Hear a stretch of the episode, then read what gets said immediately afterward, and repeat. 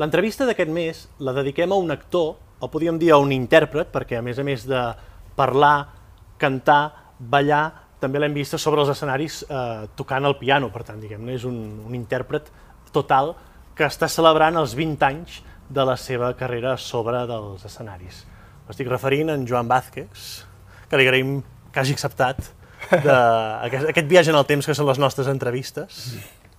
I Gràcies per convidar-me. Estem aquí al Bars, eh, que és on fas aquest espectacle, però això que et deia, són un, les nostres entrevistes són un viatge en el temps.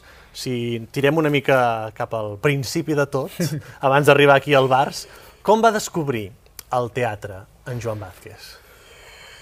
Uau, el primer record que tinc és de, de l'Orfeó de Sants, que hi vam anar amb l'escola.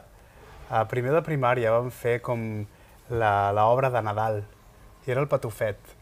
I feia de narrador, recordo molts nervis, però recordo que es va pujar el taló i, i res, vaig fer una passa endavant amb un bombín que m'havia comprat ma mare negra i vaig començar, vet aquí una vegada i tal, i vaig notar que això m'agradava.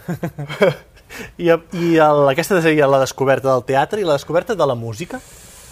Uh, a casa sempre havien escoltat molta música, recordo els dissabtes al matí, allò que és el dia que et llevaves més tard, no?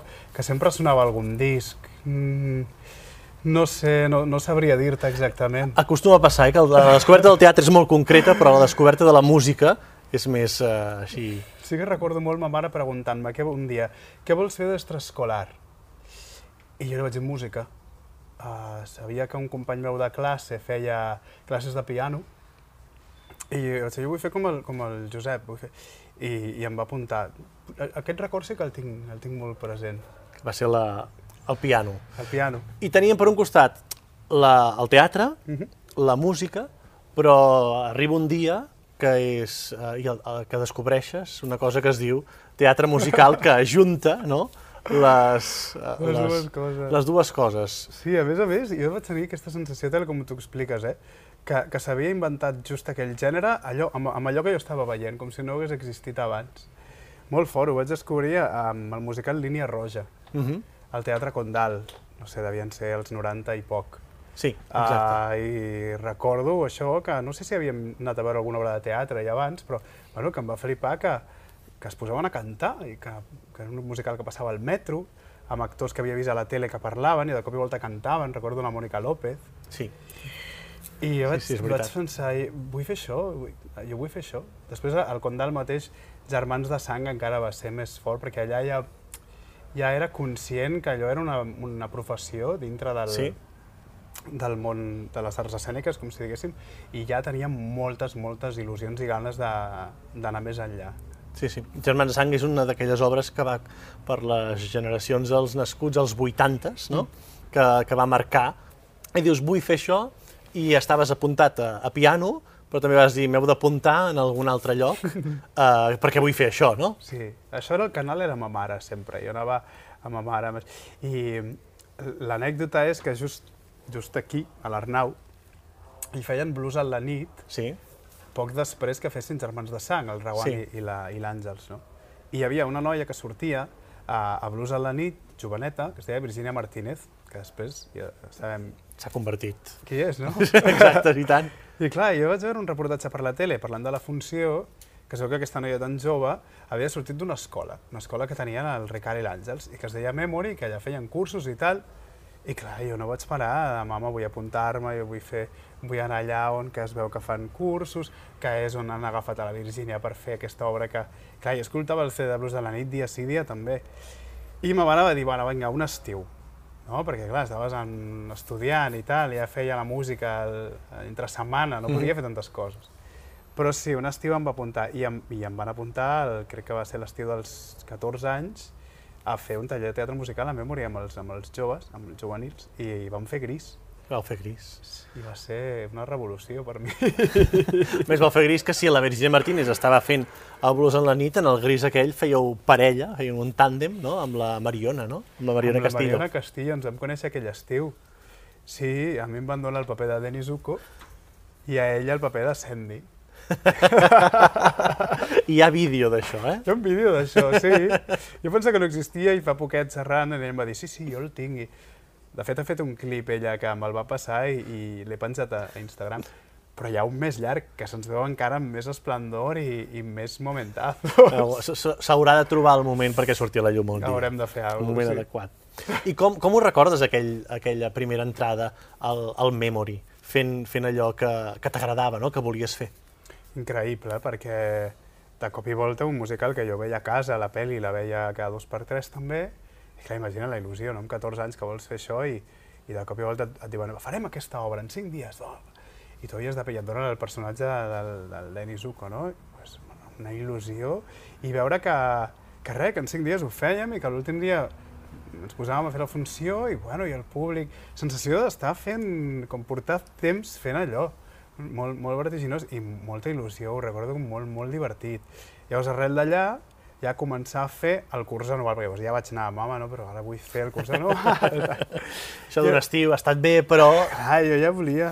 I el curs anual jo ho recordo com una mica més, uh, que, que m'ho prenia més en sèrio, no? que pensava, uau, ara aquí a la classe hi ha molta gent que ja porta dos o tres anys fent, Clar, tenim 14 anys, però no sé, jo ja ho vivia com que el, la possibilitat d'accedir al món professional podia ser imminent.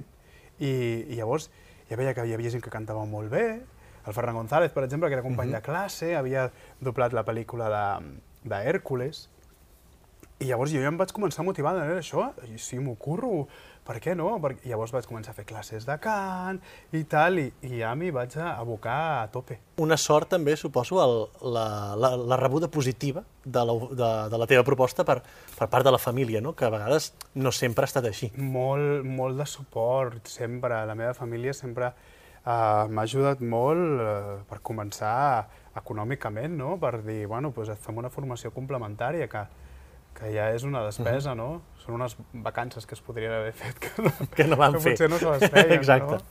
Però després també el suport moral, de dir, no, és que si tu vols fer una cosa, nosaltres t'apoyem i, i et donem la possibilitat que ho facis.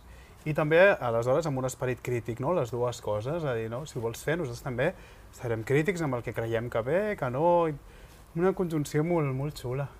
I per tant estaves fent teatre, cant i també feies el piano, no? no o l'havies deixat? No, no, vaig continuar fins que recordo que ja, ja estava fent musicals als 18-19 i, i encara em treia les últimes assignatures de, del títol de, de piano, perquè volia acabar-ho. D'aquí una estona tornarem a, a tocar el piano, eh, mai tan ben dit, i perquè arriba un, una data, no?, que és el 1999, que es fa un espectacle a Barcelona, eh, al final d'aquest carrer d'aquí, on estem, a prop Sí, del carrer Nou de la Rambla, Sí, al teatre principal, que va ser el Rent. Ren.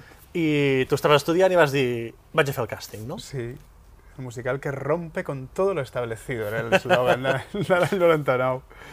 Sí, jo estava, a- vaig acabar batxillerat, jo vaig fer segon de batxillerat i anàvem a l'escola que era pionera de l'ESO i, i recordo acabar la CL i a les poques setmanes veure un anunci al diari. Uh, o sigui, el periòdico així, Focus, un grup Focus convoca audiciones i, i, bueno, i vaig trucar per telèfon amb, amb molta reticència, perquè pensava, ostres, vols dir que t'agafaran el telèfon, et donaran hora, no has fet mai res, tal. I sí, em van dir, sí, trai el currículum, però bueno, vente tal dia, tal hora, vull dir, em van donar hora. Em vaig plantar allà i recordo la sala d'espera, era enmig de l'estiu, un juliol, a molta calor, i de cop gent que jo havia vist als escenaris, no? gent de la companyia del Somni de Mozart, que havien fet el TNC, el musical més petit, allà esperant per fer l'audició amb meu, i gent que havia fet Gris, que jo no, no ho sabia, però que ho parlaven, no? Pues, eh, no sé si hi havia Marta Rivera i l'Ignasi Vidal, que estaven xerrant de... No sé, I el Pablo Puyol, venimos de tal, hemos hecho doblete ayer, era un dilluns, em sembla. I, i recordo, bueno, estic fent aquí una audició amb gent que es veu que s'hi dedica. Però no sé si per la inconsciència que no estava nerviós. I vaig entrar i recordo pues, sortir d'una audició content. Saps? Com de vegades i després quan ja has fet més espectacles no tens aquesta sensació que surts de les audicions una mica més taciturno, Sí. no? I no, i estava feliç i eh, he cantat. I sí, sí, em van trucar i em van dir que em preparés més material per al cap de dues setmanes. Llavors va ser, l'estiu del 99 va ser l'estiu de les audicions de Ren. Jo em recordo vacances, sí, estàvem a Galícia amb la família i recordo trucada, prepara't això, tal, i jo vivint-ho amb, amb una il·lusió eh, desmesurada i també molts nervis, no? I el setembre va ser l'última audició, que va ser el Romea. I ara amb l'equip creatiu de- d'Estats Units, que venia de, de, els directors associats d'allà. I sí, i cada cop et truquen i et diuen mira que comences a la setmana que ve. I Molt aquesta trucada, al penjar, que vas, què va ser el primer que vas fer? Vas cridar, vas saltar, vas quedar-te paralitzat? No me'n recordo. Me'n recordo que, que hi va haver una mica de drama perquè els plans se'n van anar una mica en orris, clar, eh, en, en sentit positiu, però bueno, també a la vegada va ser un daltabaix, no? perquè jo tenia, um, tenia dues opcions. Una, volia anar a l'Institut del Teatre, que aleshores les proves eren al setembre, però ja m'havia inscrit a, a Filologia per si no entrava a l'Institut del Teatre. O sigui, ho tenia tot com ja encetat, no? Llavors, és que, bueno, és que si faré això, no podré fer ni una cosa ni l'altra. Vull dir, va ser com... I llavors començar a assajar, i a començar a assajar ho recordo com, no sé, com que no m'ho creia. Estic aquí, això està passant, uh, serà veritat, després vam anar al teatre, no? al cap de quatre setmanes, i sí, sí, hòstia, i és, és, és real, hi ha les fotos a la porta, hi ha l'escenografia muntada, No és un boló, no? no, no, és un, no és un sorpresa, sorpresa. Exacte. Perquè a més no tenies, encara quan, a l'estrena o als assajos, no tenies els... Tenies 17 No, anys, no tenies els tenia- 18 anys fet, no? No tenia 18 anys encara, vaig ser 18 el desembre del 99 i això es va estrenar, uh, no sé si prèvies es van fer finals d'octubre del 99, tenia 17 anys. Sí, clar, el meu pare me l'assignar el contracte amb, amb, amb l'emparo de Focus, no? Eh, jo no podia fer-ho, havia de portar el, el tutor legal. Molts nervis també, recordo com de que volia que, ja que m'havien agafat, que tot sortís bé, que no hi hagués I cap fer-ho molt bé, no? Clar, ho volia fer molt bé. Molt, va ser molt bonic. I, per tant, diguem-ne, Ren va canviar la vida, no? Per dir una manera, amb, un, amb una, si més no, la, la immediata de tot això que has dit de desfer tots els plans que tenies fets, no? Sí. Sí, um, ens ho deia la directora, eh? I després anava a preguntar això. La Ah. directora sempre deia que Ren és un espectacle no? que, que canvia la vida. Això és cert? És cert. Crec que en el moment ella ho deia per motius diferents. Clar, ella venia a dirigir-ho, d'assistir la direcció a Nova York, i clar, Nova York aleshores era un cant a, a la ciutat, no? Amb la, amb la pandèmia de la sida, um, Ren va ser una injecció d'amor. La gent necessitava un espectacle així i una música així per, per tornar a tenir il·lusió en la comunitat, en creure en la vida, en creure en l'amor, en poder-nos tornar a relacionar d'una manera eh, tranquil·la. Havia una societat que havia patit molt. Clar, mm, ella portava tot aquest bagatge explicant-nos la funció, jo no, la, jo no ho entenia d'aquesta manera, aleshores, no? Eh, estava molt en mi, amb el que per mi suposava iniciar un camí així, òbviament entenia de què parlava l'obra, però no a les dimensions que l'entenc i, la, eh, i, i m'emociona ara. Llavors, a mi me la va canviar perquè la pròpia energia, suposo, amb la que ve carregada el musical, clar, em feia viure allò d'una manera extrema, no? I, clar, i, i, i la, la vida i l'amor tra trans, transpoava uh, la funció i l'estar-la fent, no? Em va, me la va canviar perquè des d'aleshores no vaig parar, vaig anar començant a, a empalmar un projecte amb l'altre. Ara bé, ara, ara sé que amb el temps que me l'ha canviat d'una manera més profunda de la qual jo no n'era conscient aleshores. I fent un salt al temps, fa quatre dies el, es va fer una funció especial de, de Ren, al, aquí darrere, també on estem ara, al Teatre Al Condal. Condal, eh, que es van ajuntar al repartiment del, de dos casts diferents de, de Ren per celebrar els 20 anys. 20 anys. Com, com ho vau viure, això? Com ho recordes? Molt bonic, molt bonic, molt emocionant i a la vegada em feia una mica de por també quan portàvem una estona perquè, clar, estaves amb tots els companys de... Molt bonic, clar, primer per, per veure que Barcelona tornava a acollir un espectacle així, no? I, i tan ben fet com estava la producció del Condal. Per la reunió nostra, de, de, junts no hi havíem estat des de l'any 2000. No? Que es havia acabat el, la, Crec que quan la es- gira a Madrid, no? Potser? Sí, el 2000 es va, es va fer a, a Madrid. Quan ho van estrenar a Poblenou, Sí, la un parell d'anys abans que ho fessin al Condal, ens van reunir uns quants, però no va ser tan massiu, o sigui, Mm. no, va, no, no hi eren tots. I clar, no, estàvem de públic, tampoc era la mateixa sensació que juntar-te per cantar els temes i tornar-te a trobar a l'escenari, no? Llavors, clar, imagina't, vam sortir al, a l'obertura i sentíem la vibració, no, sé, no, no calia fer res, és que et senties, saps aquella sensació de quan has viscut moltes coses importants, amb un, encara que, que fos un any, no? però tan carregat i, i que notes l'energia allà, això va ser molt espectacular. Després, molt espectacular, això, veure que la, que la funció que feien ara era tan potent i que nosaltres estàvem podent-hi col·laborar. I després, molta, molt, molt espantava i quan ja portaves un rato i ens veiem doncs, fent les mateixes bromes que feia 20 anys, no? I aquí deies, uau, m'estic comportant com fa 20 anys i jo no estic en aquest lloc, saps? No sé, un viatge molt, molt important i molt bonic. Tornant al, uh, més al passat, després de Rent, que diguem-ne és un nou clàssic no? del, del teatre musical, mm -hmm. vas fer un altre clàssic del teatre musical, que era el My Fair Lady. Sí, no? de clàssic uh... a clàssic. Era, era, era un, però, malgrat ser clàssics tots dos, és un contrast, eh, suposo, fort. de venir del Ren al, Mar, al My Fair Lady, no? Sí, va ser molt bonica aquella experiència, clar, molt diferent. També va suposar per mi anar-me'n a Madrid per primera vegada, deixar a casa, a començar a viure sol. També érem una companyia enorme, érem 50 persones. Perquè anava a dir una, la, una producció, macroproducció. Macroproducció, a part el ressò que va tenir, no?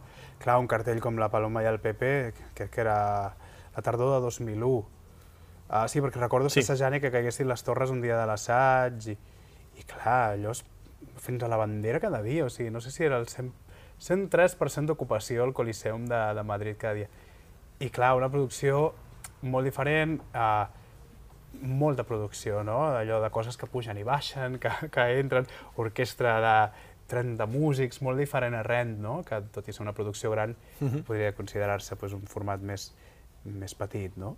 I, i treballar al costat de dos estrelles, bueno, que jo el Pepe Sacristán l'havia vist a moltes pel·lícules, no? Um, una pel·li molt, molt bonica que teníem a casa, que havíem vist moltes vegades, Un lugar en el mundo, de l'Aristarain, que, que sortia el Pepe, i jo recordo que el primer dia d'assaig de dir és, és, és, és de cristal, saps? és ell.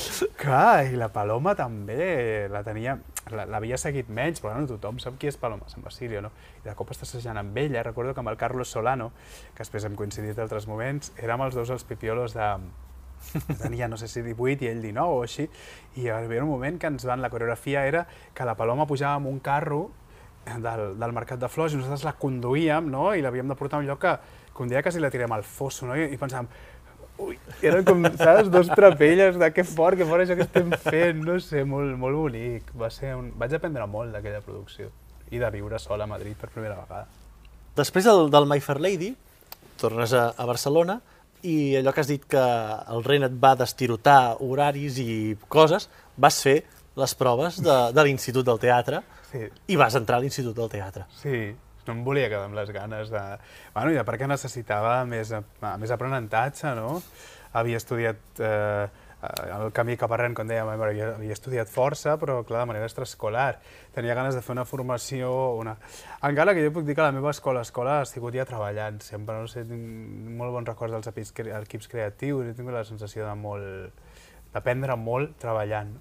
Però em vaig apuntar i sí, em van agafar, llavors vaig començar a estudiar i bueno, allò era un, havia de compaginar amb feina i era un lío. Ara anava a dir, perquè a l'Institut de Teatre el tenim relativament també a prop, sí. que era, fas les classes i creues el carrer per anar-te'n al teatre, al, al Barcelona Teatre Musical, sí. perquè en aquelles èpoques hi havia el Gaudí, que Gaudí. estaves, que estaves allà, oi? El musical, sí. Uh, el musical de Barcelona. El musical de Barcelona. Veus que em venen tots els eslògans? Aquell espectacle va ser molt maco. Uh, clar, vaig, vaig venir de, de Madrid i sí, vaig començar a estudiar i llavors recordo eh, els dijous de la tarda que hi havia un merder, perquè clar, dilluns els dimecres bé, però dijous de la tarda, clar, coincidia les classes d'interpretació amb la funció de la tarda. I allà, bueno, tu ja saps, no? que a l'institut no els agradava que... Ara crec que ja són més permissius, però també ho entenc, no? Ells volien que la gent estigués centrada en els la estudis. formació i, i jo tenia ganes de fer-ho, de fet. Uh, vaig aprendre molt a l'Institut del Teatre de, de moltes coses, no? I era el luxe tenir aquelles instal·lacions per un grup uh, tan reduït. Tan reduït i que ens estimàvem molt el que fèiem, hi havia molta dedicació. Però bueno, els dies de la tarda hi havia d'anar a treballar. I llavors ho vaig aconseguir estirant d'aquí, d'allà, no? El profe, no tengo que d'anar. I llavors a, a producció, arribaré més justet i tal. Bueno, ho vaig anar compaginant. Després ja el segon ja em va ser més complicat perquè ja tenia més bolos i ja va arribar un moment que no, no ho podia compaginar i va, és allò que deies, l'escola s'acaba convertint sí. en, en, la, en els escenaris. En no? les, sí, i en els assajos, no? Clar, el, són, són com masterclasses, dos mesos d'assajos amb equips creatius que venen de, depèn d'on, de treballar d'una determinada manera, mm -hmm. és com un màster... Sí, sí.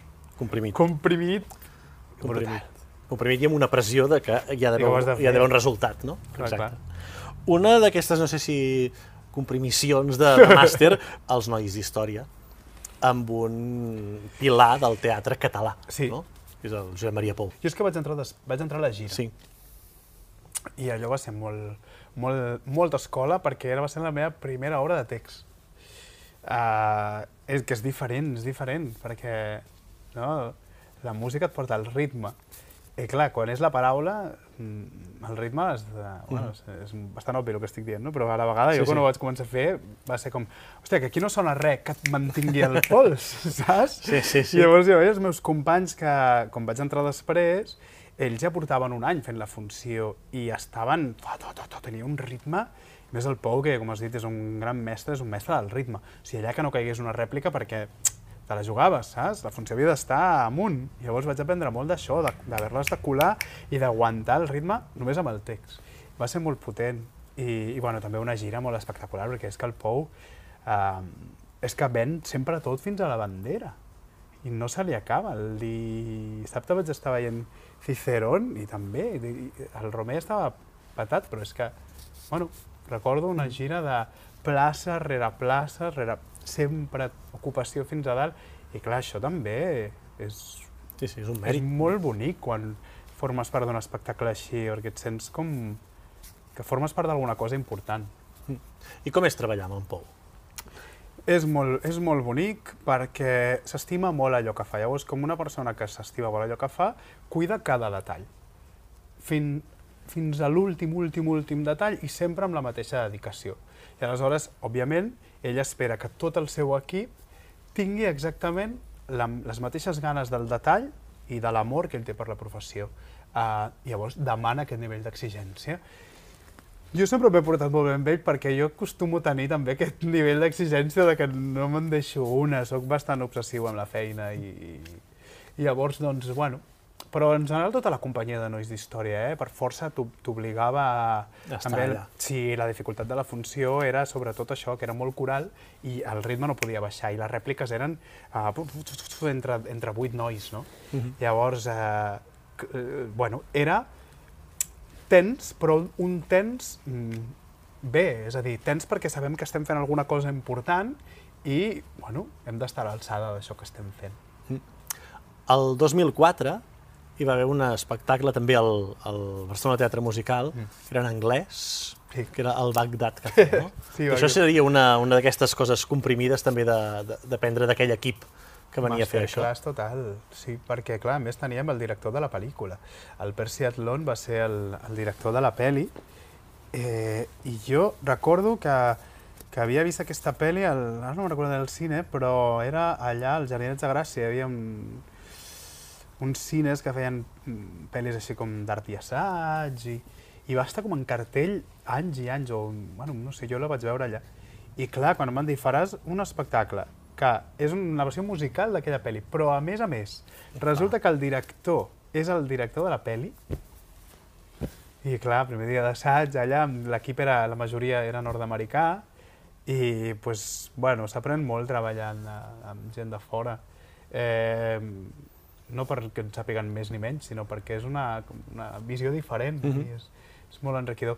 I va ser molt maco també amb el compositor de Calling You, el Bob Telson, que havia escrit les cançons, no? i veure també pues, algú que està, que està nerviós perquè s'estrena un musical que ell ha escrit, no? i això clar, no, no ho havia viscut, crec fins aleshores, de dir, és que aquesta, aquestes persones estan escrivint aquest espectacle amb nosaltres. O sigui, és la primera vegada que això Es fa. es fa. I clar, això era, era molt maco. El BTM va ser per tu una casa de molt de, durant, durant molt de temps, no? Sí. Perquè després va arribar al BTM una producció que s'havia estrenat abans a Madrid, que Sí. era el Mamma Mia, no? Com recordes el fet de dir, vaig a fer el càsting del Mamma Mia? Uh, mm, molt bonic perquè feia temps que no audicionava per espectacles grans, perquè venia de fer molts bolos amb companyies petites d'aquí i, i recordo que, que tenia ganes de tornar-me a ficar amb, amb la indústria així més a, a, de gran format i, i recordo una sensació com de tornar, tornar a casa, saps? De dir, uh, tornar-ho a provar. i, i veure que funcionava, que m'anava bé. Clar, va ser molt maco fer els càstings a- amb el- amb l'equip de, de fora, també, no? Aquest, un equip diferent, perquè ja havia dirigit l'espectacle en molts llocs del món, però clar, hi havia alguna molt bonic d'això, no? De dir, bueno, és que aquest equip, creatiu venen ara de Tòquio, no sé si venien de Tòquio, no? i t'explicaven les coses ja a les audicions que et feien sentir com, que, com si estiguessis creant el personatge per primera vegada, no? Mhm. I no sé, també veure que teníem de partners a les audicions a la Nina i a la Mariona, que venien de fer-ho de Madrid, era com una sensació de que s'estava coent alguna cosa important, no? I, i, i molt bé, llavors, quan em van dir que, em- que m'agafaven, em va fer molta il·lusió. O sigui, recordo que és de les vegades que més il·lusió m'ha fet que, que m'hagin dit que m'agafaven per un espectacle. Va ser el meu primer personatge en un musical que, que fos de gran format. Fins aleshores tots els grans formats que havia fet havien sigut eh, papers de repartiment. El de Bagdad ai, papers de repartiment, eh, ensembles, perdona, i aquest era el meu primer paper de repartiment. El de Bagdad havia sigut un paper de repartiment, però no l'havia sentit tan, tan gran, no? Aquí... Sí, sí, l'Sky, no? Sí, me'l vaig prendre molt, amb moltes ganes. I a més et vas retrobar amb la noia de gris, Clar, que era la Mariona Castillo. clar, molt fort. Sí, la Mariona va ser, bueno, va ser molt maca la relació que vam construir per, per fer aquell, aquell musical, no?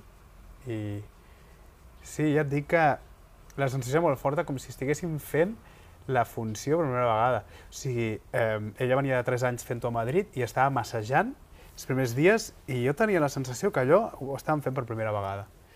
Perquè ens donaven notes que, bueno, que, que tenien molt a veure amb com nosaltres ho fèiem, no? Mhm. I ella també supergenerosa i aleshores, clar, no tenia la sensació d'estar recreant res, sinó va ser molt bonic. Crec que ella va ser molt responsable d'aquesta sensació meva. I del Mamma Mia, eh, m'agradaria que m'expliquessis una imatge final que té molta gent, que és el final de Mamma Mia es torna una festa, no? Sí. Allò, vist des de l'escenari, com, com, com es veu? Perquè normalment el pati de butaques està a les fosques, eh, amb un silenci, no? I allà és el contrari, no? Estan llum aixecats eh, i cantant les cançons, no? Sí. Sí, Jo sempre dic a la Mariona, així fent broma, que jo en alguna altra vida o alguna he actuat a, a arena, a, concer- a, a palaus o a estadis, perquè la sensació m'és com molt familiar, o sigui, em torno com boig. I allà ho vaig descobrir, que a la que es posava tothom de peus i la il·luminació era com, com un concert de Madonna, jo em bogia. Em bogia saltant, cantant d'una manera que pensava, no, més, més, més, més. La veritat que era molt fort acabar cada dia així i em recordo com hiper, hiperventilat, i... sí, inclús de dir, de, els primers dies de no controlar la coreografia, que, perquè tens tanta energia que sembla com que el teu cos no va a la velocitat que tu el vols fer anar. Sí, sí, sí. Sí, molt, molt maca la sensació. normalment quan acabes una obra de teatre, la sensació ja és d'estar molt amunt, aquí Sí. devia ser allò No, aquí elevat. era, vinga, anem a Sant Jordi. Has dit que estaves abans fent coses més petites, vas fer una substitució que vas entrar amb una companyia que, que, que era el Jugana Rogers, no? Sí. que vas eh, substituir un, un dels intèrprets que estava allà, A l'Elvira Prado, sí.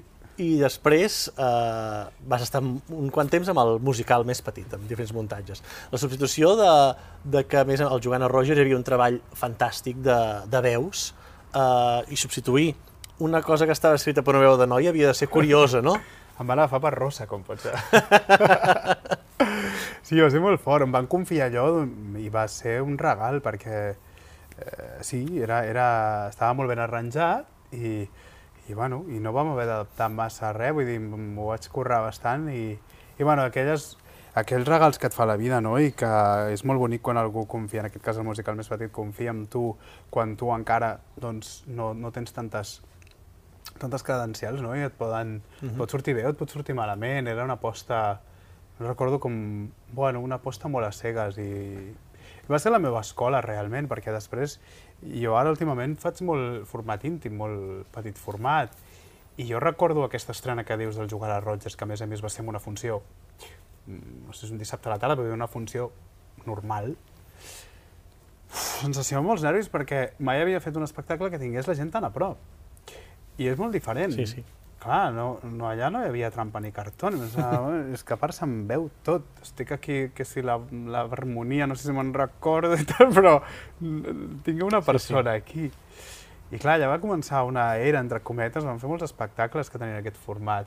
I a més que a mi aquest format m'havia inspirat tant, perquè jo els havia vist fent precisament en aquell espai, tu, jo, ell, ella, a, a l'any 95, sí, una cosa així, i jo els havia vist, havia pensat, jo vull cantar com aquests, vull dir, per mi era molt fort estar fent una cosa amb ells allà, Aquell precisament. mateix espai, el no? versus.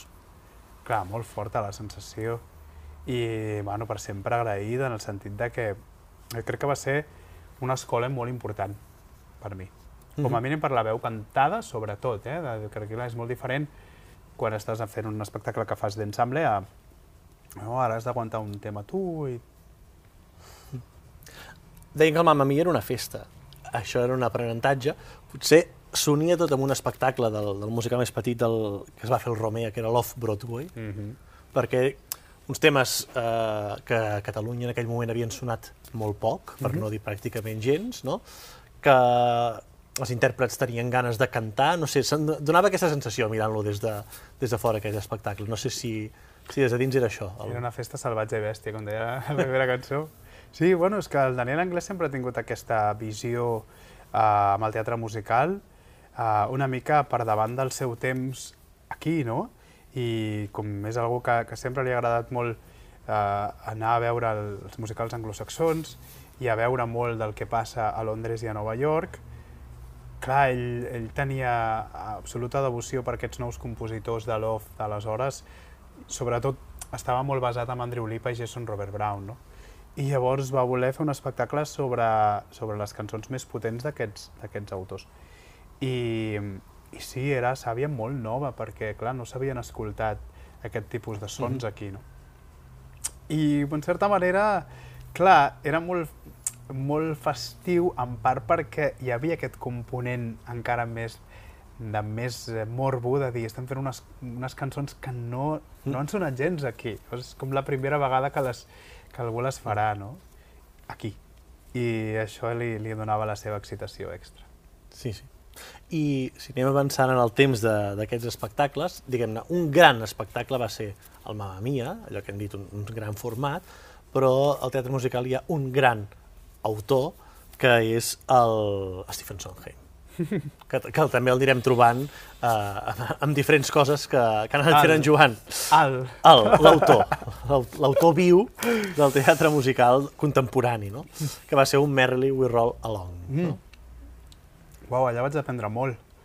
Sí, va ser el meu primer paper protagonista. Uh, a la Villarroel, vam estar en la Villarroel quan uh, havia de ser el que ara és la Villarroel, no? Va començar allà amb aquell Merrily. Uau, vaig aprendre molt. Primer perquè Sondheim, jo mm, era fan de Sondheim. Si jo recordo haver vist Company de petit, el, el vaig veure, eh, era producció del llibre, però el vaig veure sí. el, quan el van fer el Nacional feia la Nina i, i la Mone i el mestre, gent amb qui després he treballat, i la Munsa. Uh, I a mi ja m'atreia la seva música d'alguna manera, no, no, no et sé explicar per què, però sortia ja captivat. Llavors, com vam fer Merrily, clar, va ser molt maco dir, uau, vaig a fer un espectacle d'aquest compositor que tant m'agrada. I a més a més tenir la sort de fer aquell personatge, no? Um, va ser molt maca la manera com ho vam crear també, perquè el, el Daniel volia volia fer una adaptació d'un espectacle que, que estava concebut per 30 persones i llavors recordo que vam, vam fer la carta junts per aconseguir una versió reduïda dels, dels drets. Ens la van donar i, i clar, eh, pensar també una mica com ho vam adaptar junts, la, en, en com, com faríem una mica... No hi havia dramaturgia perquè era la funció mm -hmm. telecomès, però sí que clar, érem sis actors desdoblant-nos i alguna cosa s'havia de fer per fer-ho, perquè tot es pogués sí, sí. fer, no? I també va ser, va ser molt maco en, en aquest sentit, de, de viure una mica la creació d'un espectacle des de fora. Mm. I clar, i després, bueno, ja Sondheim eh, en aquell moment ja m'atrapava i, i certes peces que feia Merrily a mi ja m'agradaven d'abans, pensava, estic fent un show on es canten aquestes peces, era, era bastant, bastant bonic.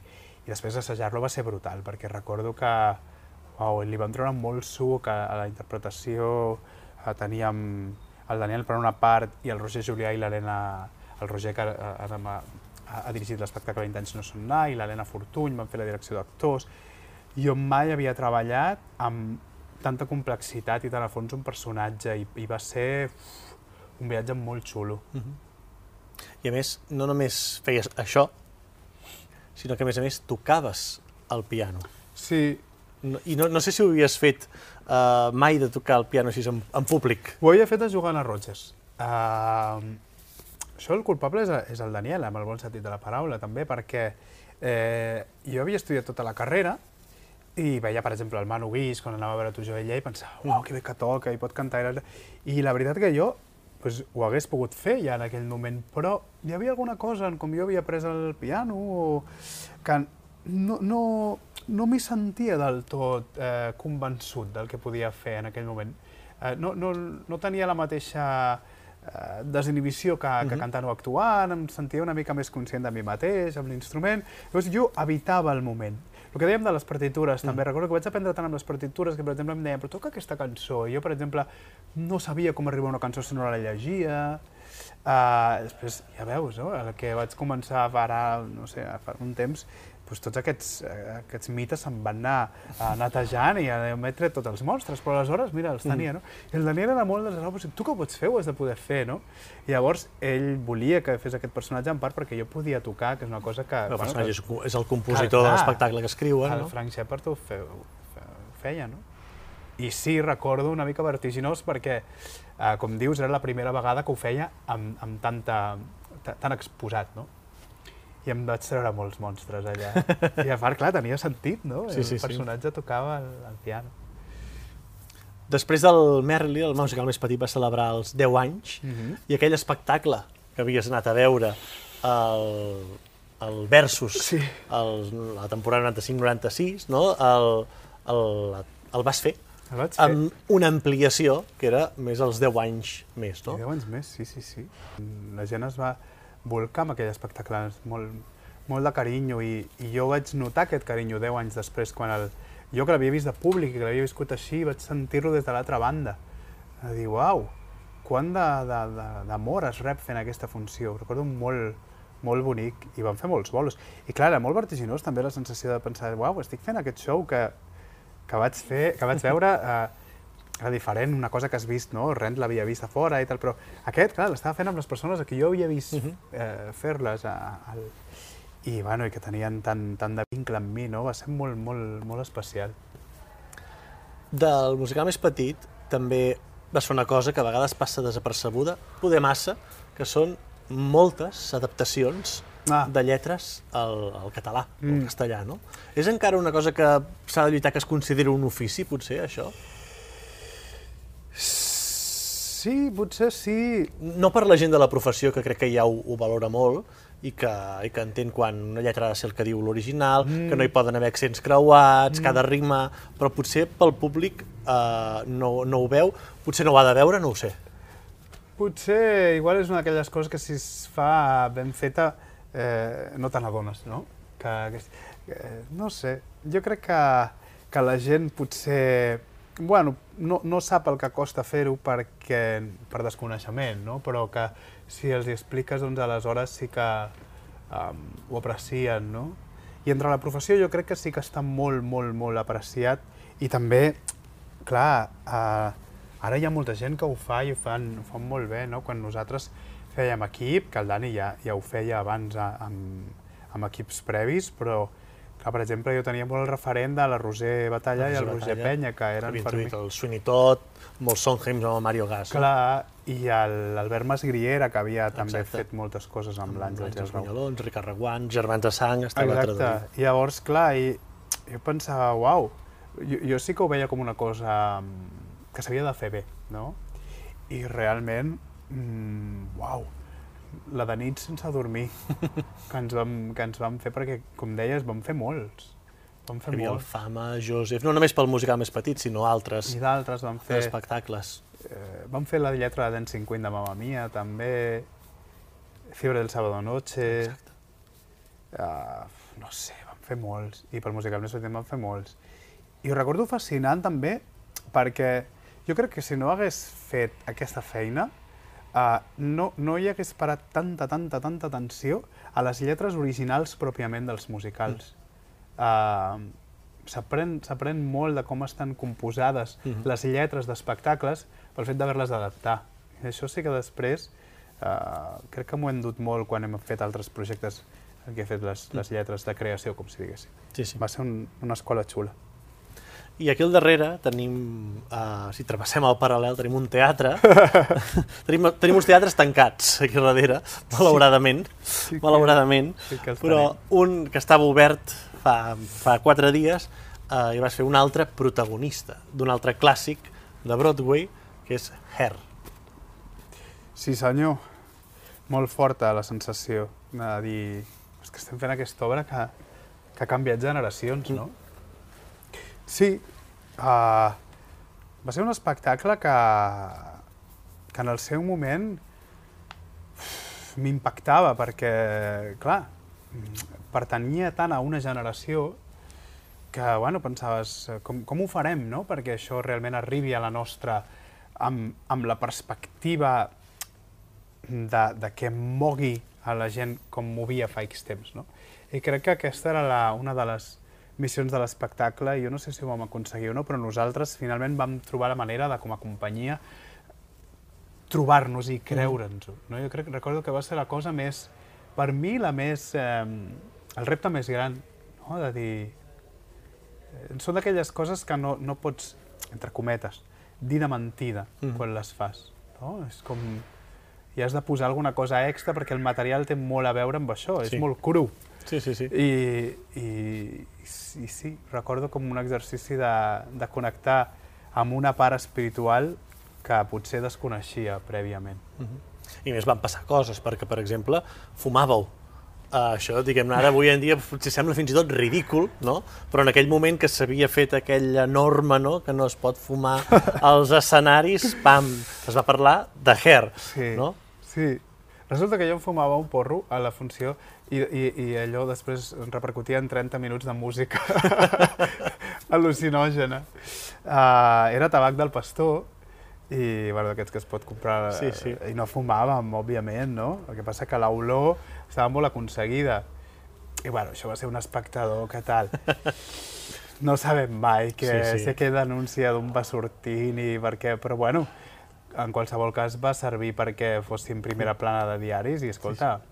Benvingut sí. Allò no? va, clar... Un espectacle que va sortir molt bé perquè va ser premiat també i perquè em va sortir un altre espectacle d'aquest, que ja ens hem acostat més al, al present, era el Flor de nit, al mm. cabaret, mm -hmm. que era una versió, una cosa, això ho comentàvem en aquest mateix espai amb, en, amb el director, amb en Víctor, de dir, és una cosa que malauradament s'ha fet poc, que és reversionar un clàssic del teatre musical català. Aquí passava, que era el Flor de nit, al cabaret, i que, ara en parlarem després, em va sortir un altre, un, un altre espectacle que crec que ha marcat a més uh, força, no? Uh, perquè una, una proposta sembla personal. Mm. Com recordes el, el fet de dir anem a fer el Flor de nit però en versió reduïda? No? Molt especial perquè com dius, eh, crec que tenim espectacles molt importants aquí a, a casa nostra al llarg d'aquests, eh, no sé, posa-li des de Maricel fins tot una mica abans, no? els últims 30-40 anys, que s'han fet, que, que s'han de revisitar, jo crec, no? i que no cal que es revisitin de la mateixa manera que es van estrenar, perquè les peces jo crec que parlen per si soles per sobre de qualsevol mm. I, i el Víctor Álvaro això ho va saber fer molt bé en Flor de nit. Uh, li va treure l'essència a, a la funció, l'essència més cabaretera, més, més del paral·lel i més política també. Crec que era un muntatge molt, molt, molt polític. Uh, ostres, i, i, i sentir que, que estàs amb algú que hi confies des del segon zero, que també ell t'ha confiat que hi siguis allà sense haver-nos conegut massa abans amb el Víctor, no? Va ser, ell ho va fer bastant a cegues d'agafar-me per aquell espectacle eh, i no vaig audicionar. Um, sensació d'estar fent alguna cosa important també. No sé per què surt avui molt aquesta paraula, però sí, sensació de dir, uau, aquí tenim una cosa xula entre mans i històrica, entre cometes, uh -huh. no? Uh, sí, no crec que... No sé si s'havia fet abans, no. no. jo crec que, que va ser molt potent. I aleshores, bueno, amb el repartiment, no? treballar al costat de, de persones tan estimades i, i després veure la reacció, que, que aquell Flor de nit era un espectacle tan estimat per la gent que l'havia vist en el seu dia, que la gent el volia tornar a veure, que al tornar-lo a veure la gent en, ens deia sí, ens agrada, no, no, no hem trobat a faltar res i ens ha agradat més això, va ser molt maco. I aleshores, clar, per mi va ser molt bonic perquè eh, el personatge que a mi em va donar el Víctor, entre d'altres, però era el Paquito. Uh -huh. I a més va venir d'una manera molt, saps, una mica com de rebot, perquè ell a, a, volia que, que anés sobretot per fer el Patrick. Um, el Paquito no sabia què em volia fer, perquè tenia el, el gran tonet, que seria com el representant del cabaret en si, que per tant igual no li calia que hi hagués més representants del cabaret, ja quedarien com encapsulats en aquella figura. I jo vaig començar a estirar, sí, aquí sí que li vaig estirar una mica del fil, però pensa que és molt graciós, tal, bueno, va, tal, llavors va començar com a, a donar-li més, més eh, importància. I jo recordo molt, molt forta la sensació d'estrenar de, la, i de veure que era un personatge que el públic s'encarinyava molt, que, que jo no havia tingut mai aquesta sensació de sortir, per uh -huh. exemple, a fer una funció i que amb la primera rèplica hi hagués un riure total a, a la platea. Per mi això era absolutament desconegut abans de fer Flor de nit i va ser com, uau, uh, ah, òbviament, el personatge porta aquesta, aquest salero, no? Llavors, bueno, jo vaig veure que també jo podia estirar per aquí per allà i també el feia meu, no? Però d'entrada era el personatge. I vaig dir, uau! I, I clar, recordo molt bonic. I clar, ja va néixer aquesta història d'amor de, de, de, de, del, del, del personatge i de l'actor que va crear mm -hmm. el mhm. personatge. Mm -hmm. I al finalitzar les funcions, crec que era el Frank Capdet, que et va donar les memòries del, sí. del Paco Alonso mm. i d'aquí va néixer un, un altre espectacle premiat, reconegut, eh, de, fins, fins fa quatre dies encara estava als, als escenaris, no? Sí. El Paquito Forever. Mm. Sí, uh, el, ens va deixar el Paco Alonso, eh, sí, no sé, en algun moment que estàvem fent la funció o assajant, o, i el Frank, uh, que era amic seu, li havia, feia temps, recollit un testimoni, una espècie de memòries publicades per a ISGE eh, un llibre i, i ell venia i me'l me, me va donar, no? i em va dir, mira, són les... I jo vaig començar a llegir-lo i em vaig quedar eh, prendat de la vida d'aquell home, no em podia creure. El to, ja per començar el seu to, comunicant-se, com parlava, la memòria del paral·lel i, i la seva vida, sobretot la seva vida, el, que, que se n'anés a, l'any 60 i alguna a, a, anecdòticament a Nova York i el paio es quedés a viure a Nova York i fes una carrera als Estats Units i, i bueno, que no hi havia límit per ell, no? Llavors mm -hmm. un dia el Víctor Álvaro, quan vam fer la reposició de Flor de Nit, que, que van ser dos anys després, em va dir, escolta, tens alguna idea, vols fer algun projecte, tal, no sé què, i, i se'm va caure de la boca, o sigui, em va passar allà al vestíbul de l'Almeria. Sí, vull fer un, un spin-off del, del Paco. Però com del personatge, no, no ho sé, no ho sé, no ho sé, perquè la vida m'agrada molt, ell és i, I allà es va començar a, a teixir, ell de seguida va dir quina bona idea, fem-ho, i, i, bueno, i va néixer Paquito Forever amb un temps rècord, perquè és que això no sé si t'estic parlant de que era un, posa-li un gener, un febrer de... de I l'espectacle s'estrenava al setembre i no ens vam posar a escriure-ho fins al mes de juny. Vull dir, uh -huh. saps aquelles coses que dius quan tot va fàcil? I allà va néixer Paquito Forever, que, bueno, per mi és la, la cosa més, més bonica que he fet mai. A més, eh, allò que dèiem, si no s'havia fet o s'ha fet molt poc, el de Flor de nit, eh, segurament històries com les del Paco Alonso en tenim que no coneixem, segurament a vessar a, a totes les cantonades, no? de gent que ha fet coses prodigioses fins i tot pel seu moment o, o fora de lloc eh, en el bon sentit de la paraula en el seu moment i que no, i que no coneixem i a vegades anem a buscar històries que s'han fet a, a fora perquè simplement ens arriben més o les coneixem més, no? Vull dir, trencar una llança a favor d'això, no? Sí, i sobretot de les veus desconegudes, perquè, uh, clar, coneixem, d'aquí coneixem els que ho han aconseguit, com si diguéssim, uh -huh. no? Mhm. Però clar, si et poses a mirar, comences a descobrir històries de... i també, també surten coses... Clar, el Paco va viure tota la vida sent un artista, però per exemple no va tenir mai un paper protagonista mm -hmm. un, o no va, no va ser algú que se'l recordi pel seu nom, potser, no? Però és una vida fascinant. Sí, sí. Uh, jo estic segur que hi ha moltíssimes històries i el paral·lel més. Um, sí, vam trencar una llança de cara a, a parlar de coses nostres i de, de, de que surtin a la llum coses que, que no han estat tan visibles. I va sortir a la llum una cosa que havia estat visible al Joanna Rogers i al, i al Merrily, que era Joan Vázquez tocant i cantant al piano, també, no? Wow. Amb un disc també enregistrat de- d'aquest espectacle-concert, que no només es va veure a Catalunya, sinó que va emigrar a fora de Catalunya, a Londres, a Nova York, Mm. i que era el Something's uh, Coming, no? Sí. Un tribut a, al mestre dels mestres Sí. del teatre musical, Stephen Sondheim. Sí, amb el mm, suor fred en aquell moment, precisament per el que t'havia explicat, no? per el, el dir vaig a fer una cosa en la que em mostri que jo també toco i tal, i, i no sé per què, sempre quan vaig començar a, a pensar en fer una cosa així, el repertori de Sondheim em venia molt natural, uh, arranjant-lo amb el piano, fent-me el venir bé per cantar amb la, la veu i les mans, no sé, com que anaves, li trobava la manera, no? I, i, bueno, i va sortir la, la possibilitat mitjançant una, una associació de nens eh, etíops a Luz de Gas una nit. I vaig pensar, bueno, vaig, vaig presentar aquesta proposta, vaig a fer això. I va funcionar molt bé, eh, em vaig treure tots els fantasmes, eh, recordo molta, molta, molt vertigen, perquè, clar, eh, el, Cantar Sondheim ja és difícil, cantar-lo Sí. i tocar-lo ha de ser, m'imagino, eh, una molt mica difícil. disco duro lleno, saps? Uh, sí, moltes tecles, no? Valga la redundància. Sí.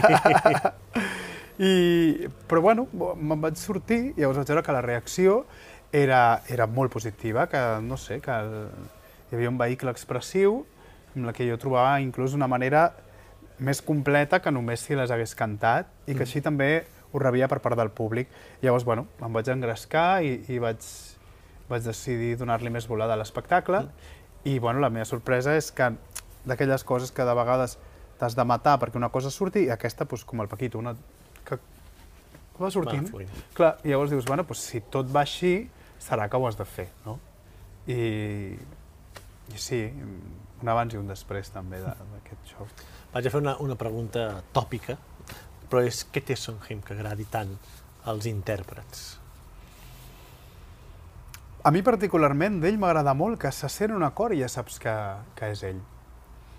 I la textura d'aquell acord mm, a mi em desperta algo com, no sé, de curiositat, de... Eh, alguna cosa especial que cap més autor em passa. Després, eh, les històries, no? Eh, clar, de cop i volta és tan... La caracterització és tan profunda eh, per tractant-se d'un espectacle amb música, no? que normalment no hi ha tant temps que, el, que els personatges estiguin tan eh, caracteritzats, tan ben eh, apoyats. Eh, clar, mm, hi ha mil matisos, no? I després les històries que hi ha darrere d'aquests personatges, els llibrets, crec que tot i ser molt elitistes alguns i no agraden a tothom, però clar, estan molt, tenen molt joc. No, Són personatges que... I té molt d'humor també. A mi m'agrada molt l'humor de Sondheim, que de vegades eh, se, li, se li destaca la serietat, no? Perquè, bueno, sembla com que és molt eh, solemne i tot, però el tio Sí, sí. té un sentit de Deixa l'anar. l'humor, clar, que, i a mi això m'atrapa, m'atrapa molt d'ell. Sí, sí.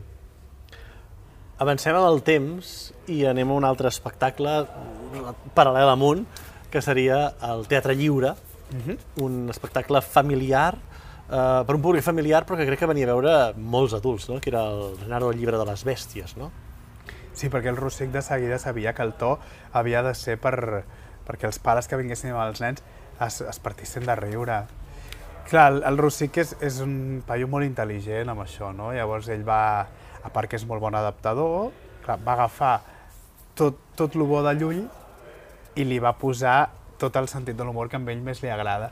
I això li sumes la música de la penya i, bueno, allà disfrutàvem molt. I la companyia era molt divertit de fer perquè estàvem el, el Vinyals, el Marc Pujol, la Caral, la, la, la Laura Obert, i clar, era, allò era un cachondeo, en el bon sentit de la paraula, no? però molt, ens ho passàvem molt bé. I, I és molt gustós veure, que això crec que no ho he experimentat abans, no? que veure com diferents reaccions a la vegada, no?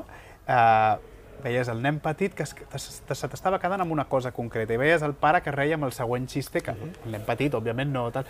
I clar, això amb capes de moltes edats, perquè per escoles també teníem el dia que fèiem més per, de 8 a 10, el dia que fèiem més de 13 a 16, per exemple, no? I això em va agradar molt, Que aquest del mateix text, de la mateixa música, els atreien coses totalment... És tot el mateix i tens a diferents, capes Diferents. gent atrapada per, per coses eh, completament diferents. I això, des d'una visió com més, entre cometes, em, empresarial o de producció, em va agradar molt aquest espectacle. Eh, notar això de cara Mhm. a, a futurs projectes, tenir aquesta... haver ensumat això. Abans parlàvem del, del Paquito, però no hem dit que també el Paquito eh, se'n va anar fora.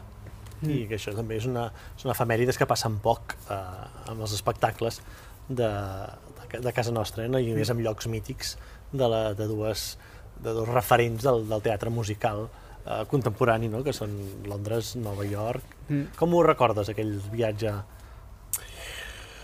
Uh, molt potent perquè era la primera vegada que m'enfrontava a fer una funció en anglès totalment, que no fos eh, l'espectacle de Sondheim, que eren cançons, clar, ja originalment amb Mhm. les seves lletres, però fora de context, no? I, i els monòlegs que feia entre cançons, bueno, tenien un to més improvisat, però clar, aquí havia de fer un espectacle d'hora i mitja de duració, amb, jo diria, un 70% de text, que havia de ser en anglès. Com la traducció la vaig fer jo, ajudat de la Helen, que crec que l'heu entrevistat també sí, en aquest cicle, pa- ha passat per aquí, la Helen. perquè ella durant uh, molt temps ha sigut i és, i és la, la, la meva coach vocal i quan volia portar això li vaig dir necessito de la teva ajuda perquè li donis al Paquito uh, xistes que la gent d'allà pugui entendre, no? Uh, o maneres d'expressar-se que puguin ser Perquè hi equivalents. havia molt d'humor i també hi havia l'anglès mal parlat no? De, de, de, del Paco Alonso, no? Clar, clar. Primer de tot el amb accent. Després, clar, teníem molts xistes. Com em plantava allà sense haver-ho contrastat amb algú que pogués saber que allò era sense ciència certa, no?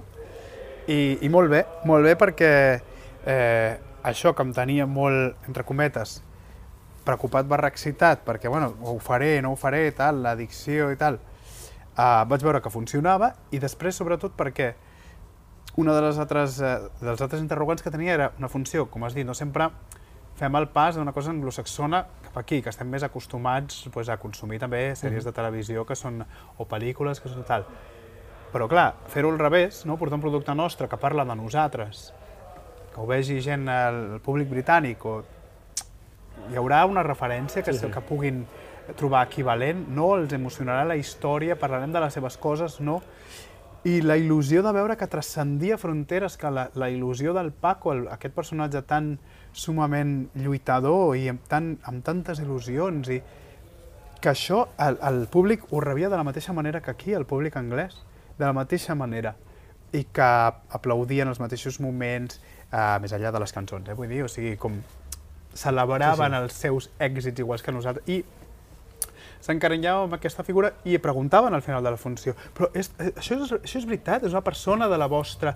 També mm, allà eh, vaig notar molt que la història del Paquito Forever era una història de la nostra dictadura i dels artistes i l'homosexualitat a la nostra dictadura, que és una cosa que aquí per proximitat, potser se'ns escapava més, ens quedàvem més amb la figura concreta del, Del Paco. Paco.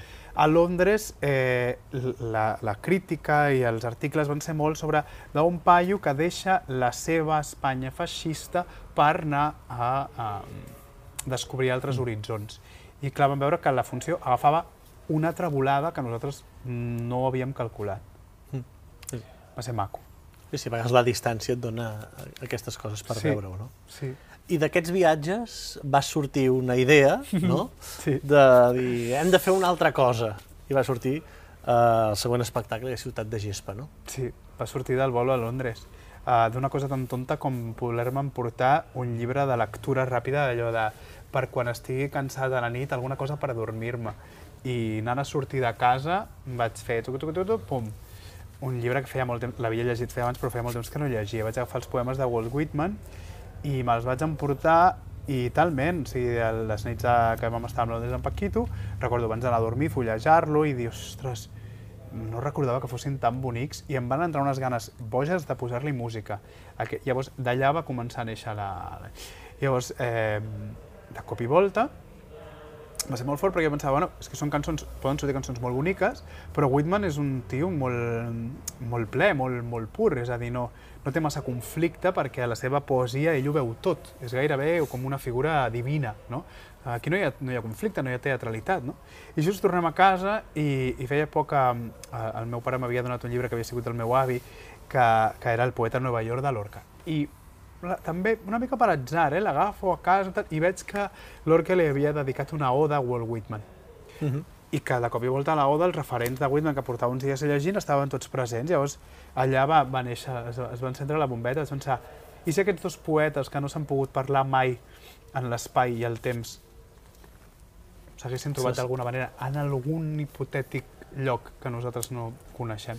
I d'aquí va néixer aquesta fàbula que vam crear també amb el Víctor Álvaro, que va ser molt, molt sorprenent també la reacció i el, que... Sí, perquè diguem-ne va, va estar molt ben rebut, tant que es va veure primer el Maldà i després va, va anar cap al Gaudí, no? Sí, va estar molt bé, va, per ser un espectacle de petit format, el públic s'hi va volcar, el Maldà ens va anar molt bé i, i, i tothom li, o sigui, la crítica li va agradar molt. Uh, el públic uh, estava molt dividit. Recordo que era un espectacle que, que hi havia, sortia gent plorant, emocionada, amb és que aquesta història que expliqueu... I gent que, si es quedava una mica més analítica, uh, potser li costava més entrar en un univers poètic i volia més una estructura narrativa, però la crítica va ser unànim, uh -huh. total. Nosaltres no ens ho esperàvem gens amb un, amb un espectacle que era per nosaltres tan un salt al buit, no? Uh, que no sabíem ni quin nom donar-li, si un recital de poesia musicat, si, si un musical... Hi havia un buit mm -hmm. allà per nosaltres mateixos a l'hora d'intentar-lo explicar. Uf, va ser una sorpresa molt forta veure que, que tenia aquesta reacció. Me'n sento molt, molt, bueno, molt orgullós i molt agraït si avancem ja molt en el temps, ja que estem aquí a la cantonada ja, i que mai tan ben dit, perquè es va veure aquí el, el teatre, el Club Oníric del Teatre Condal, eh, Musicales Dorados, que vas eh, dirigir. Eh, és un, eh, un dels llocs on podem veure, potser en el futur, en Joan Vázquez dirigint, no? M'encantaria, m'encantaria. Uh, sí, perquè S'aprèn molt de nosaltres com a actors, els bitxos raros. Quan estàs ahí, no ho dic per la Sílvia, eh? Però vaig, vaig fer uns pinitos, el que passa que no va ser musical. A, a l'Almeria Teatre vaig, eh, vaig fer una obra meva, eh, que també la vaig, la vaig com dirigir a teatre de text, i clar, ja recordo un vertigen molt gran, eren sis actors, i bueno, m'he de relacionar amb... I tots són diferents, no? Llavors hi havia molt de, de psicologia, de veure com mm -hmm. arribo a aquesta persona per explicar-li el que vull, com aquesta...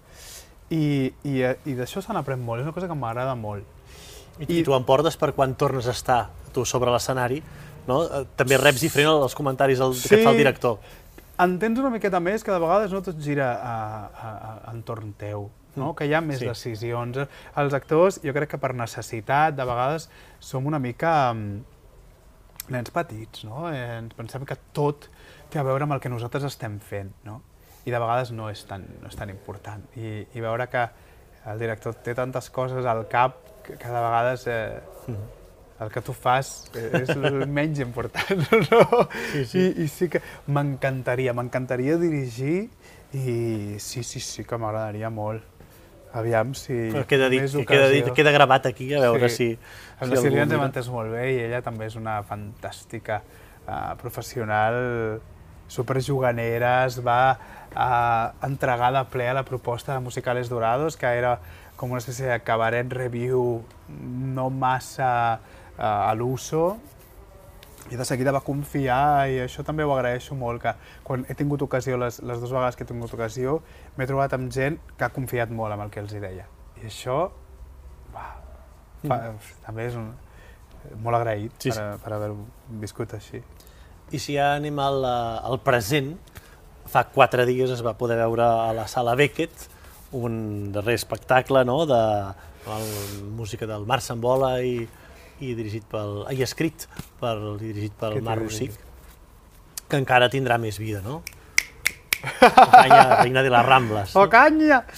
Uh, sí, va ser una passada fer aquest espectacle, la veritat. Molt, molt potent i, i, bueno, i que tenim temporada ara, tot el mes de març, començant, crec que el dia 9, a la seca.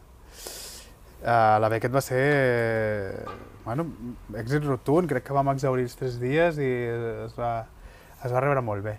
Tinc molta sort de que, de que m'hagin confiat això, uh, de nou amb el Marc Rossic, uh, ha escrit una dramatúrgia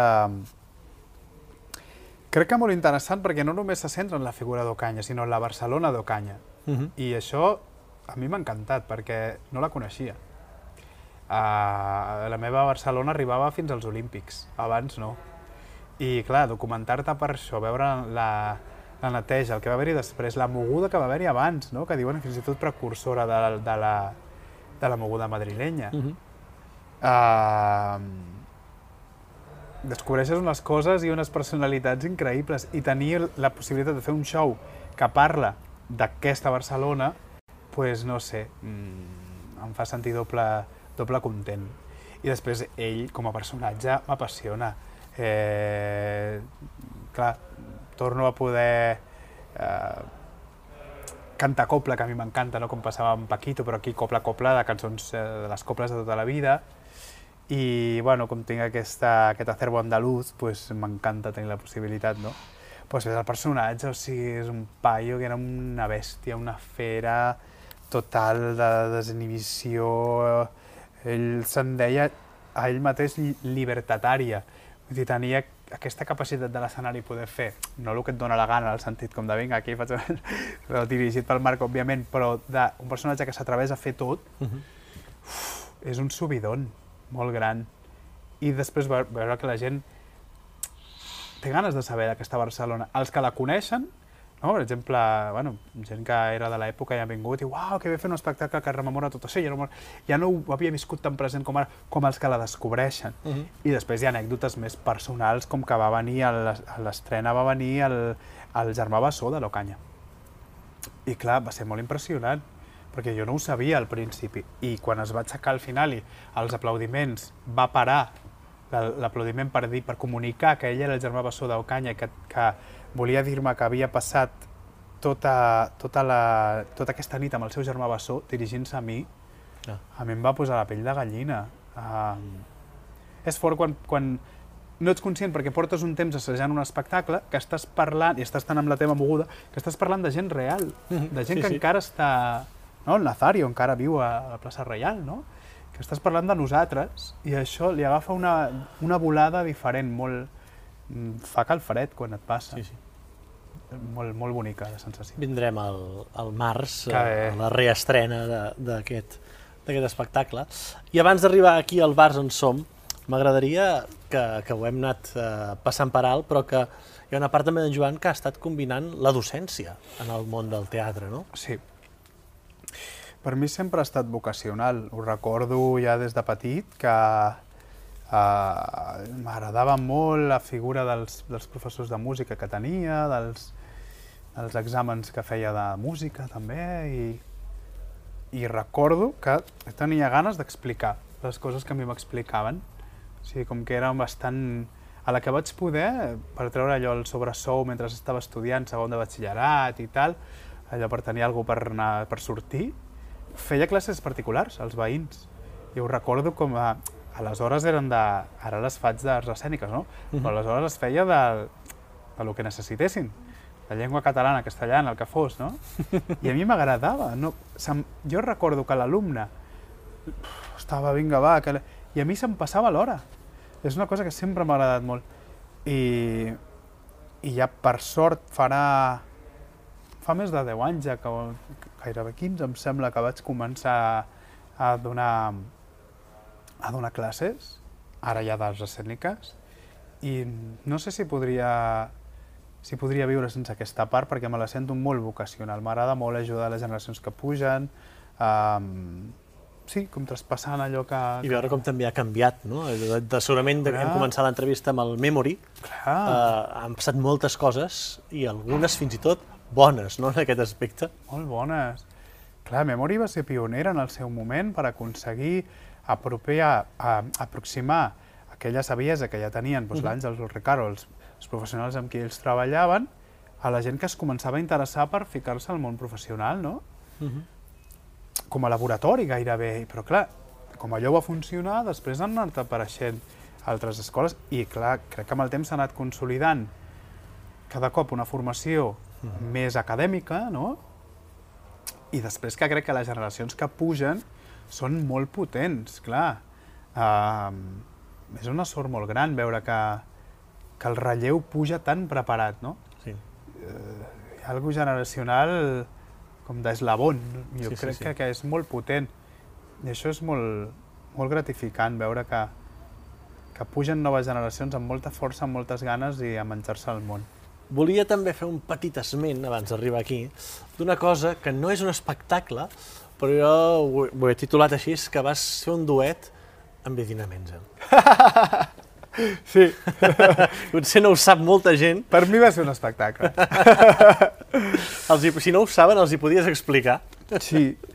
Uh, sí, vaig cantar amb la Idina Menz. I ja està. El titular és aquest, oi? El titular és aquest. Resulta que anava amb uns amics a veure el seu concert a Londres, uh, que, que era el Teatre Apolo, em sembla.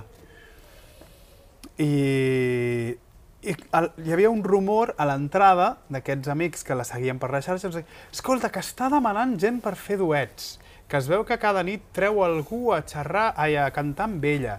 I jo, sí, vinga, va, que sí, que sí, que tal, no sé què. Bueno, doncs, pues, bingo, o sigui, jo ja ho tenia tan coll avall que allò podia passar, que com estava, em sembla que a la fila 2 o la fila 3 de platea, jo ja vaig entendre que ella anava a demanar que algú pugés a cantar amb ella. I va dir... I jo ja estava de peu, fent senyals de fum, llançant-me de la butaca, i al principi jo crec que ella em va veure tan sumament mm, motivat que devia pensar que jo era un espontani un tant perillós o fins i tot que podia ser que anés begut. Perquè em va descartar la primera vegada. Va agafar una altra noia que havia allà, que suposo que no la devia veure tan desmesurada. Però va tornar a insistir després i em va veure que... I no li vaig donar treva. I llavors vaig anar... I sí, sí. Uh, va començar a sonar Take Me or Leave Me, de Rent, i uh, bueno, em vaig somiar, i, uh, em vaig sumar, i les meves amigues que estaven encara més a prop, crec que a la- però a l'altre cantó, van enregistrar tot, tota l'actuació. I clar, llavors ho vaig penjar a xarxes i la gent es va tornar loca. Els meus amics, els meus alumnes fins i tot, com de... Uh, fins i tot gent que em deia, ja, però això, però tu no has cantat amb Edina Menzel, tu has, t'ha agafat d'espontani en un concert i jo, clar, clar, clar, és que en cap moment he dit cap cosa, al contrari, però la il·lusió... Però has fet que- el duet amb ella, no? Clar, i, i de sentir que la tens... Aquella veu que has sentit tants cops, cada cop... Miau! No? La tens aquí, molt, molt increïble. Una nit molt forta per recordar. I de nits fortes de recordar va una mica segurament aquest espectacle que, que neix potser una mica des del Monday Monday de l'Eòlia Sí. i acaba venint aquí. Sí, a Eòlia té aquest cicle, cicle de concerts eh, que es diu Monday Monday i m'hi van convidar a participar a la darrera temporada. I la sorpresa va ser que la persona, bueno, suposo que el, potser la gent que, que ho segueix ja sap com va, que fan una marató de solistes i aleshores la persona guanyadora del concurs li assignarà un dels, dels que farà el concert, no? La meva sorpresa va venir que la noia que em van assignar era, havia estat alumna meva tot el- l'any anterior, sense jo saber-ho. I no recordava el seu nom només pel nom. O sigui, no recordava ni que havia estat alumna meva, perquè es veu que el seu nom artístic tenia una, un cognom diferent i tal. Bueno. Llavors, d'aquest- d'aquesta confusió va néixer no, el dir ostres, tu, he de fer un espectacle amb una noia que he convidat que resulta que l'hauria d'haver conegut i no l'he conegut, és alumna meva i ara hem de cantar junts. I vaig començar doncs, a, a tramar una mica de, de fil argumental i vaig veure que la cosa coincidia amb 99-2019. Un alumne, 99-2019, 20 anys, jo fent-li de profe, jo fent un espectacle... Que...